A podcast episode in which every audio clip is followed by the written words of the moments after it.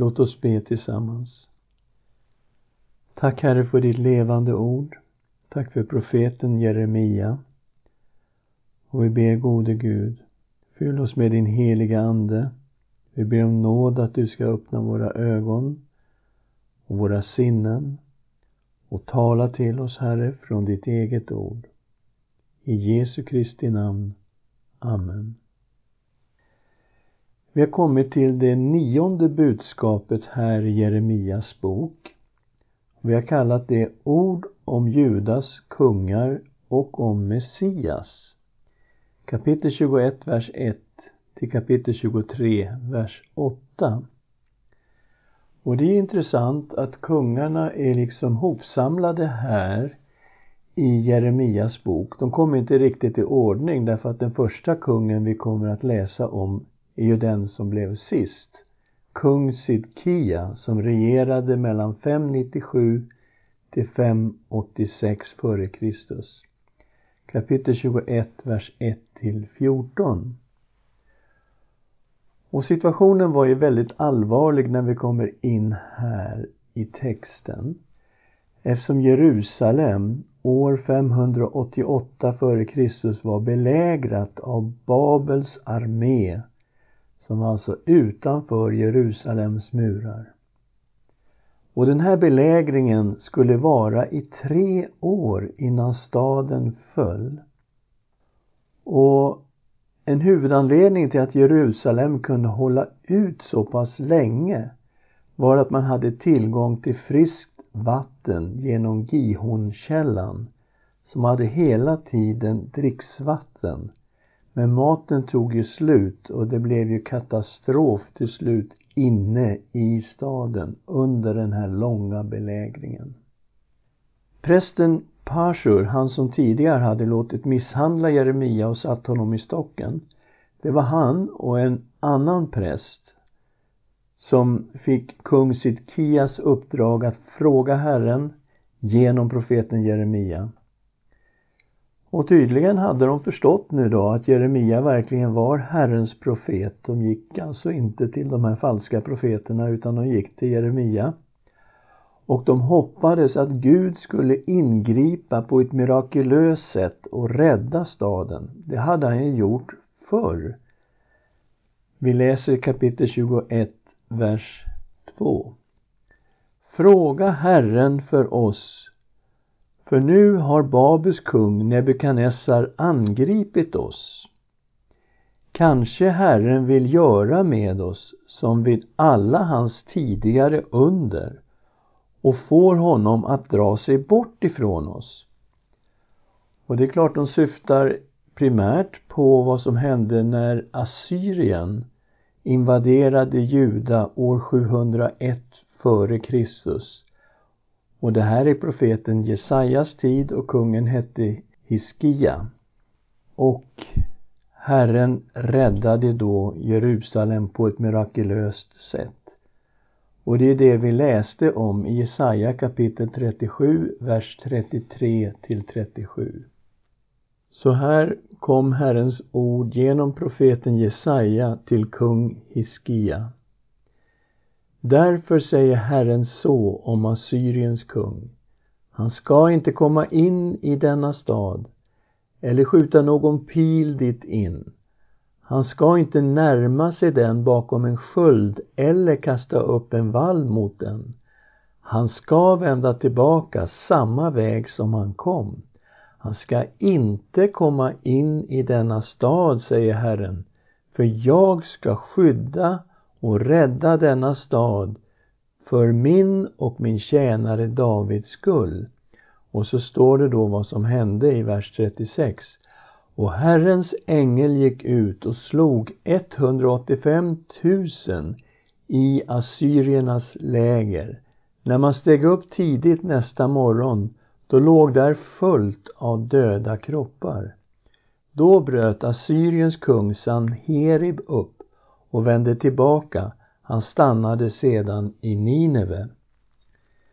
Så det är sådana här saker som man hoppas ska hända igen nu när Babels armé låg utanför Jerusalems murar år 588 f.Kr. Men Herren sa att staden skulle ges i kung Nebukadnessars hand. Nöden skulle bli fruktansvärd. Det som inte dog genom svärd, svält eller pest skulle föras bort som fångar till Babel. Och det här läser vi i 21, vers 7 till 10 i Jeremias bok. Och den här tredelningen av plågor som det står om, svärd, svält och pest, den återkommer ett antal gånger här i Jeremias bok. Och svärdet, ja det står för den armé som låg utanför och som en dag skulle anfalla. Svält var ju det man drabbades av under långa tider av belägring och det här är ju en treårsbelägring. Och pest, ja det blir som en följd av alltihopa, av nöden så kommer då sjukdomarna in och de som blir kvar för som fångar till Babel. Sen kommer det ett mer generellt budskap till Judas kungar, kapitel 22, 1 till 9. Det är ingen kung som är namngiven här. Men Jeremia fick i uppdrag att ställa sig vid kungapalatset. Och kungarna, ja, de fick möjlighet att vända om från sin synd och handla rätt och gott, 22 och 3. Så säger Herren, utöva rätt och rättfärdighet och rädda den plundrade ur förtryckarens hand. Kränk inte främlingen, den faderlöse och änkan och bruka inte våld mot dem. Spill inte oskyldigt blod på denna plats. Så de fick en uppmaning om att leva rätt och rättfärdigt. Och om de gjorde så då skulle det få fortsätta att finnas kungar från Davids ett som skulle regera i Jerusalem. Men om de fortsatte att leva i synd, då skulle Jerusalem läggas i ruiner.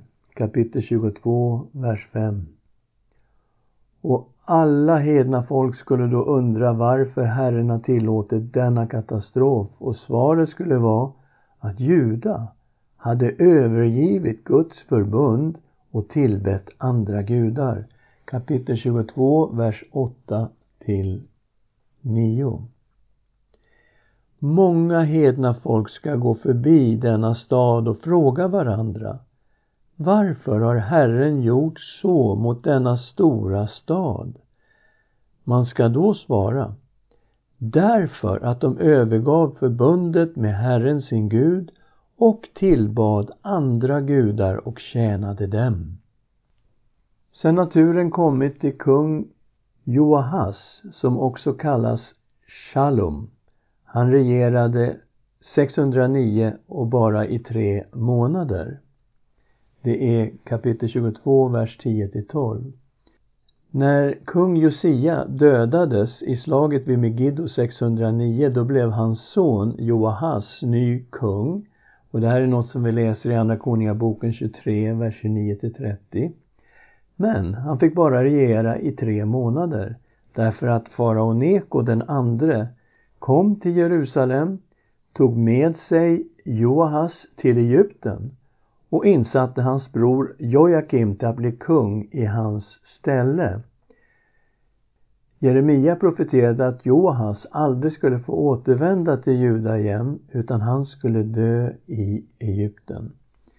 Vi läser Jeremia kapitel 22, vers 11 och 12. För så säger Herren om Josias son Shalom, det är alltså han som är Joahas, Juda kung som blivit kung efter sin far Josia och som dragit bort från denna plats. Han ska aldrig mer komma tillbaka hit. Han ska dö på den plats dit han förts i fångenskap och aldrig mer återse detta land. Och det här är något som sen är bekräftat i Andra Konungaboken kapitel 23, vers 34. Så här är vad som hände när farao Neko kom till Jerusalem. Och farao Neko gjorde Eljakim, Josias son, till kung i hans far Josias ställe och ändrade hans namn till Jojakim, men han tog med sig Joahas, som på så sätt kom till Egypten och dog där. Så efter Shalom eller Joahas så blev det alltså Jojakim som blev kung. Han var då insatt av farao Neko att regera och han regerade mellan 609 till 598 f.Kr. Och det är kapitel 22, vers 13 till 23 i Jeremias bok. Jeremia varnade Jojakim för konsekvenserna av hans själviska styre. Han byggde flotta palats utan att betala skälig lön till arbetarna, kapitel 22, vers 13 till 14. Han lät döda oskyldiga människor, kapitel 22, vers 17. Och istället så borde Jojakim ha följt sin far Josias goda exempel. Det ser vi i kapitel 22, vers 15 till 16. Och Jojakim, han skulle dö på ett skamligt sätt, 22, 18 till 19. Därför säger Herren så om Jojakim, Josias son, judakung. Ingen ska hålla dödsklagan efter honom och ropa O min bror, o min syster. Ingen ska hålla dödsklagan efter honom och ropa O Herre, o hur ståtlig han var. Som man begraver en åsna ska han begravas. Han ska släpas bort och kastas ut långt utanför Jerusalems portar. Och när Jojakim dödades i slutet av 598, ja, då blev hans son Jojakin kung och han regerade 598 till 597, faktiskt bara tre månader. Vi ska se här vad som hände. Babel intog nämligen Jerusalem i början av år 597. Och de förde Jojakin, hans familj tillsammans med 10 000 betydande personer till fångenskap i Babel. Och bland de här fångarna fanns också profeten Hesekiel. Vi läser om det här i Andra Konungaboken 24, vers 10-17. Jeremia profeterade att ingen son till Jojakin skulle få sitta på tronen i Jerusalem kapitel 22, vers 30. Så säger Herren, skriv upp den mannen som barnlös, som en man som inte lyckas under sin livstid. För ingen av hans avkomlingar ska lyckas sitta på Davids tron och råda över Juda i framtiden. Och det var ju precis det som hände när kung Nebukadnessar hade intagit Jerusalem så fördes ju hela Jojakins familj till Babel som fångar. Och istället så insatte Babels kung Nebukadnessar hans farbror Sidkia till att bli ny kung i Juda och Sidkia blev då Judas siste kung. Och det var han vi läste om i början av det nionde budskapet. Men så kommer då löften om Messias. En Davids telning, en son till David. Kapitel 23, vers 1 till 8. Det börjar med att Herren talade ut mot dåliga herdar som skingrade Guds får. Vi läser i vers 1 och 2. Ve de herdar som fördärvar och skingrar fåren i min jord, säger Herren. Därför säger Herren Israels Gud så om de herdar som vallar mitt folk. Det är ni som har skingrat mina får och drivit bort dem och inte sett till deras bästa. Men se, jag ska straffa er för era onda gärningar, säger Herren. Ja, det uppstår ju en fråga här. Vilka är de här herdarna som, vilka är det som åsyftas? Ja, när man tittar lite bredare i Jeremias bok då upptäcker man att det här måste vara kungarna som avsyftas som herdar. Vi kan se en uppdelning av ledarskapet i tre delar. Vi tittar i kapitel 4, vers 9. På den dagen, säger Herren, ska kungen och förstarna tappa modet, prästerna bli förfärade och profeterna vara bestörta. Så här ser vi att kungen och förstarna, ja de är en grupp. Prästerna, de är en grupp. Och profeterna, ja de är en grupp. Så den här tredelningen mellan kungar, förstar och så kommer präster och profeter. Det är den vi möter i Jeremias bok och vi möter den gång på gång. Men vi ska se också att det är herdar som används i de här sammanhangen. Kapitel 2, vers 8. Prästerna frågade inte, var är Herren? De som hade hand om lagen kände mig inte. Och herdarna var trolösa mot mig. Profeterna profeterade i Bals namn och följde dem som inte kan hjälpa. Så här har vi prästerna, en grupp, de hade hand om lagen. Och vi har herdarna som var trolösa, måste vara kungarna. Och så har vi profeterna då som var falska profeter. Vi ska se också att herdar kan användas som kungar på andra sätt i kapitel 6, vers 2 och 3. Jag ska ödelägga dotter Sion, det vill säga Jerusalem, den vackra och bortskämda. Herdar ska komma över henne med sina jordar. De ska slå upp sina tält runt omkring henne och var och en ska beta av sitt stycke. Och det är naturligtvis inte herdar som kommer utan det är kungarna som kommer med sina arméer och de sätter upp tälten runt omkring Jerusalem, betyder att de belägrar staden och de kommer att beta av varsitt stycke. Så här används ju tydligt herdar som kungar. Vi har det också i kapitel 25 och här kommer en profetia mot de olika kungarna i närområdet i de olika länderna. Och profetian fortsätter så här i kapitel 25, vers 34. Jämra er, ni herdar, och klaga. Vältra er på marken, ni ledare för jorden. För tiden är inne då ni ska slaktas. Ni ska skingras och falla som ett fint kärl. Ingen tillflykt finns för herdarna ingen möjlighet att komma undan för jordens ledare. Hör herdarna ropa, ledarna för jorden jämra sig, för Herren ödelägger deras betesmark och de fridfulla ängarna förstörs på grund av Herrens brinnande vrede. Så vi ser här väldigt tydligt hur begreppet herdar står för kungar i Jeremias bok.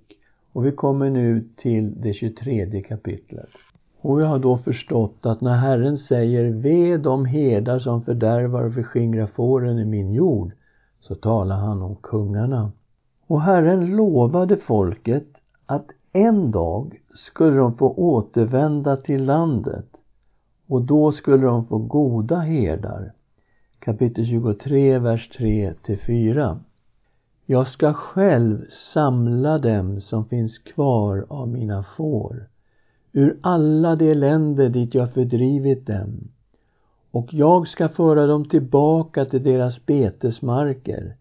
Där ska de bli fruktsamma och föröka sig. Jag ska sätta herdar över dem som ska valla dem och de ska aldrig mer behöva vara rädda eller modlösa och ingen av dem ska saknas, säger Herren. Och här används herdebilden igen över kungar och Gud säger att han ska samla dem som finns kvar av hans får ur alla de länder dit jag har fördrivit dem. Om man läser 7 och 8 så ser man så här. Se dagar ska komma, säger Herren, då man inte mer ska säga så sant Herren lever, han som förde Israels barn upp ur Egyptens land, utan så sant Herren lever, han som förde ättlingarna av Israels hus upp ur landet i norr och hämtade dem ur alla andra länder dit jag fördrivit dem. Så ska de bo i sitt land. Och självklart kan man tänka sig att det har att göra med dagens situation i Israel. Men när man ser det i den här situationen så vet vi då att Israel, det norra riket, hade förts i fångenskap till Assyrien som låg rakt i norr och att Juda nu inom några år skulle föras i fångenskap till Babel. Och Babel angrep norrifrån och fångarna fördes iväg norrut. Och det har att göra med att Babel intog ju alla de här områdena som Assyrien en gång hade styrt över. Så nu var det Babel som fanns där uppe i norr. Och även om Babel som stad låg österut så gick man ju aldrig rakt till Juda för då kom man ju rakt igenom öknen. Utan man följde floden Eufrat norrut och följde de bördiga områdena och på så vis så angrep också Babel norrifrån. Och så sant Herren lever, han som förde Israels ättlingar upp ur landet i norr. Det betyder att de skulle få komma tillbaka en dag till det här landet ifrån Assyrien men också ifrån Babel. Och det är det som Jeremia profeterar också lite längre fram i Jeremias bok att fångarna ska få återvända efter 70 års fångenskap. Och så kommer vi då till profetian om Davids son. Kapitel 23, vers 5 och 6. Se dagar ska komma, säger Herren, då jag ska låta en rättfärdig telning växa upp åt David. Han ska regera som kung och handla med vishet. Han ska utöva rätt och rättfärdighet i landet. I hans dagar ska Juda bli frälst och Israel bo i trygghet. Och detta är det namn man ska ge honom, Herren, vår rättfärdighet. Ja, det här är alltså en Davids son som ska komma och regera som en rättfärdig kung. Och det är klart, Jesaja som är tidigare än Jeremia har ju profeterat om denna fantastiska Davids son som ska komma och regera som en kung i ett fridsrike. Vi går till Jesaja kapitel 9 där det börjar med ett ljus som ska komma från Sebulons och Naftalis land. Och här låg Nasaret. Så därifrån ska han komma, han som ska regera som en kung. Och vi läser vers 6 och 7. För ett barn blir oss fött, en son blir oss given. På hans axlar vilar herradömet. Han ska alltså regera. Och hans namn är Under, Rådgivare, Mäktig Gud, Evig Far, Fridsförste. Och då tänker vi på att när Gud ger namn till en person så beskriver det här namnen något om vem han är. Så han som är det här barnet är alltså under rådgivare eller underbar i råd, mäktig Gud, evig far, fridsförste. Oj, oj, oj, vilka namn. Så ska herradömet bli stort och friden utan slut över Davids tron och hans rike. Okej. Okay. Så här ser vi nu att den här sonen, det här ljuset som ska komma ifrån Sebulons och Naftalis landområde. Han ska vara Davids son, han ska regera på Davids tron och hans rike ska aldrig ta slut. Det är ett evigt rike det handlar om. Och någon sån här kung kom ju aldrig i Israel innan Jesus föddes. Men innan han föddes, ja då kom ängeln Gabriel till jungfru Maria och berättade för henne vad som skulle hända. Så här sa ängeln Gabriel. Du ska bli havande och föda en son och du ska ge honom namnet Jesus. Han ska bli stor och kallas den Högstes son. Och Herren Gud ska ge honom hans fader Davids tron.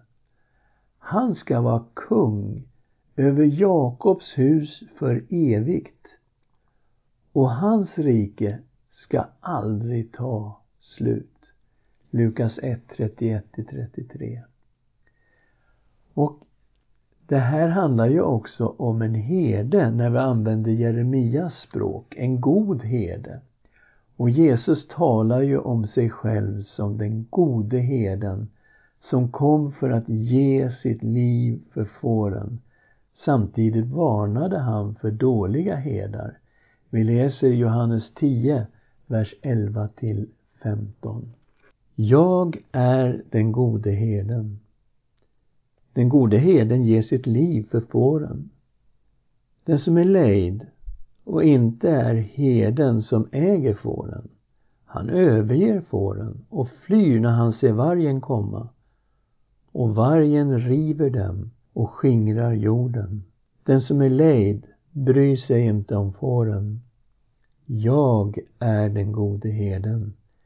Jag känner mina får och mina får känner mig liksom Fadern känner mig och jag känner Fadern och jag ger mitt liv för fåren. Men sen skulle ju den här Davids son i Jeremia kapitel 23, han skulle ju få ett enastående namn. Hans namn skulle vara Herren, vår rättfärdighet. Och det här möter vi i Nya Testamentet på flera olika sätt.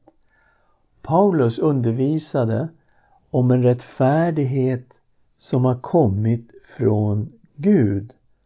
Och den här rättfärdigheten från Gud behöver vi se hur nära den är kopplad till Jesus Kristus, han som Jeremia sa skulle få namnet Herren, vår rättfärdighet. Vi läser Romarbrevet 3, 21 och 22. Men nu har det uppenbarats en rättfärdighet från Gud utan lag.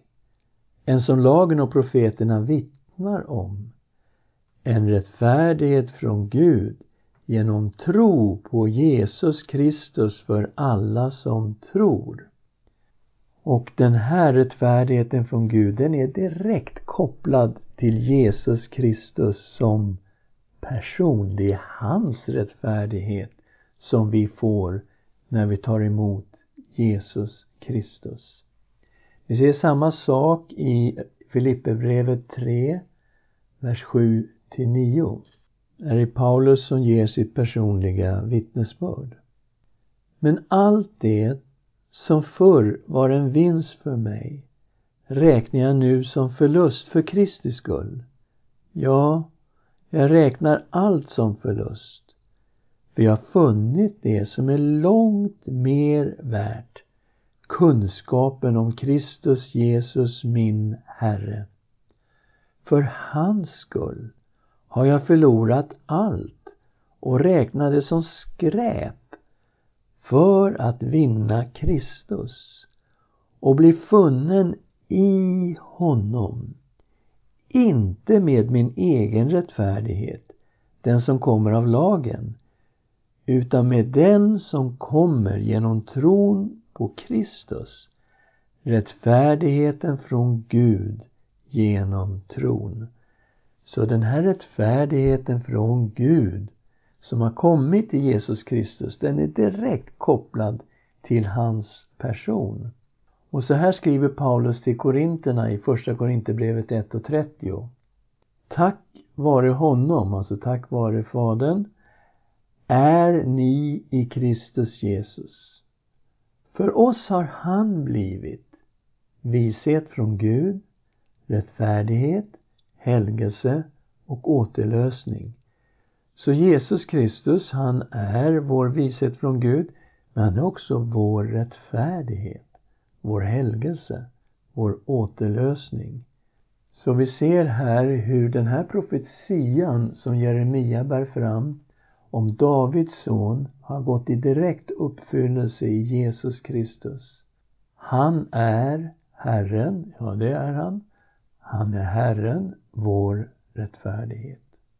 Låt oss be tillsammans. Herre, vi tackar dig för ditt ord. Vi tackar dig för dessa profetior som vi möter i Gamla testamentet. Och vi ser hur de här profetiorna har blivit uppfyllda i dig, vår älskade Herre. Du är den gode herden och du har gett ditt liv för dina får. Tack för att vi får tillhöra dig och vara dina får. Och tack för att du har gett oss av dig själv. Du är Herren och vår rättfärdighet. Vi tackar dig i Jesu Kristi namn. Amen.